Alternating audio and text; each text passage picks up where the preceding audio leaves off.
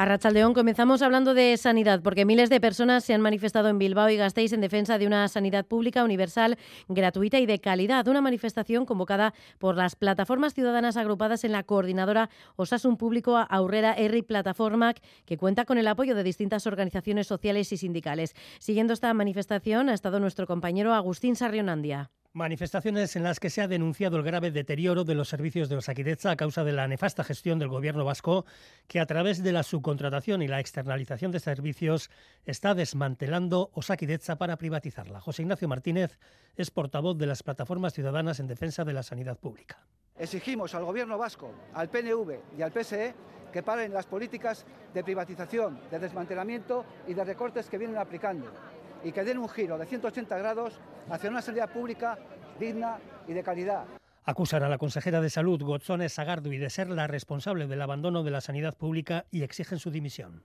Porque ha demostrado su incapacidad para dar soluciones a los graves problemas sanitarios que padecemos, al presentar esta semana en sede parlamentaria un plan estratégico que está vacío de contenidos y que no contiene ninguna medida concreta para salir de esta situación de emergencia en la que nos encontramos. Consideran que ese plan estratégico no es más que un panfleto publicitario que ha sido impuesto de forma unilateral sin contar con la participación de los profesionales. Además de las manifestaciones de esta mañana en Bilbao y Gasteiz, también se llevará a cabo otra en Donostia a las 5 de la tarde. Y al hilo de estas manifestaciones, la consejera de Salud Gochones Agardui ha desmentido que se esté desmantelando Saquidecha porque asegura que lo que confirman esos datos es que estamos recuperando el pulso tras la pandemia que ha sacudido todos los sistemas sanitarios del mundo. No es cierto que exista desmantelamiento en Osaquidecha. No hay ni un solo caso en el que un servicio de titularidad pública del Departamento de Salud se haya privatizado. Nunca se ha invertido más recursos en los que actualmente se invierten en nuestro sistema sanitario público. En 2023 superamos el techo de los 2.000 euros por habitante, llegando a los 2.114 euros persona año. Y esta pasada noche los ayuntamientos de H. Bildu de Galdaca, Oyartzun, Hernani, Aspeitia, Orio y Villabona han desactivado las webs de memoria de Aranzadi tras la polémica por incluir a los miembros de ETA como víctimas de vulneraciones. Hace unos días desactivaban también las páginas de Erandio y Tolosa gobernadas por PNV y PSE. Ha sido uno de los temas tratados en el Parlamento en las ondas Lier Puente. La parlamentaria de H. Bildu, Nerea Cortajarena, destaca que los listados se han eliminado de las webs de sus ayuntamientos a petición de Aranzadi, que se basa en criterios estrictamente científicos. Son trabajos científicos. La sociedad Aranzadi ha solicitado suspender temporalmente estas páginas web. Se pone una bola a rodar, yo creo, con otros intereses en un periodo muy cercano a las elecciones. Previamente habían eliminado los listados los ayuntamientos gobernados por PNV y PSE, como Tolosa o Erandio, que consideran positiva la retirada del resto. A su juicio, era completamente inaceptable. Aitor Urrutia, Ecaín Rico.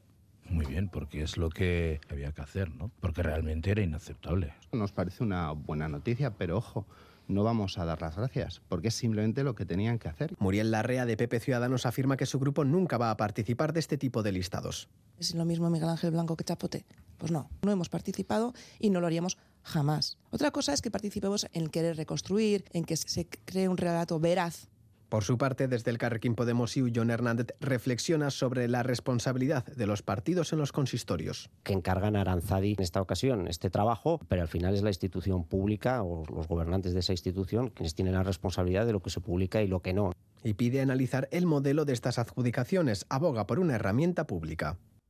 Y a las puertas del décimo aniversario de Gureescu, trabajando a favor de la soberanía de Euskal Herria, el colectivo ha hecho balance de estos años y ha trazado las líneas a seguir de cara al futuro. Josué Chaburu, portavoz de Gureescu Dago, hablaba de tres grandes ejes. Fomentaremos el consenso y los compromisos de los agentes sociopolítico-institucionales a favor de los nuevos estatus políticos. Y difundiremos asimismo internacionalmente la identidad de este pueblo y su voluntad a decidir. El PNV ha calificado de invasora la futura ley de vivienda que aprobará el Gobierno central con el apoyo de RC y de H. Bildu.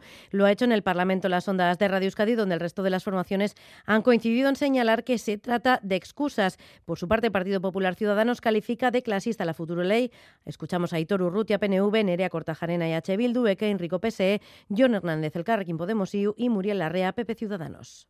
De libro, una invasión, una intrusión competencial importante y que hay un notable debilitamiento de la competencia eh, exclusiva. El galimatías de la ensalada de excusas que se está buscando el PNV para no decir la verdad. No está de acuerdo que se tope el alquiler. No entendemos ni compartimos la crítica que está haciendo el PNV al decir que es invasiva, que ni siquiera es coherente con lo que ha venido diciendo hasta aquí en Euskadi. Pues es su modelo y está defendiendo la vivienda como un negocio, ¿no? Y para eso pues está utilizando el espantajo de la invasión competencial, ojo cuidado que vienen los españoles. Entonces claro invade competencias, que no solo eso, es una ley desincentivadora, es una ley clasista.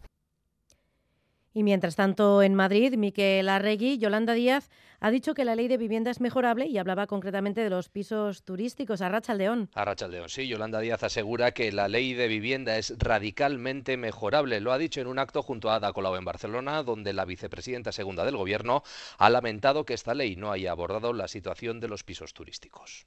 Es verdad que la ley de vivienda da un paso adelante, pero también es verdad que no nos conformamos también es verdad que queremos más, que somos conscientes de que tiene que ser ensanchada.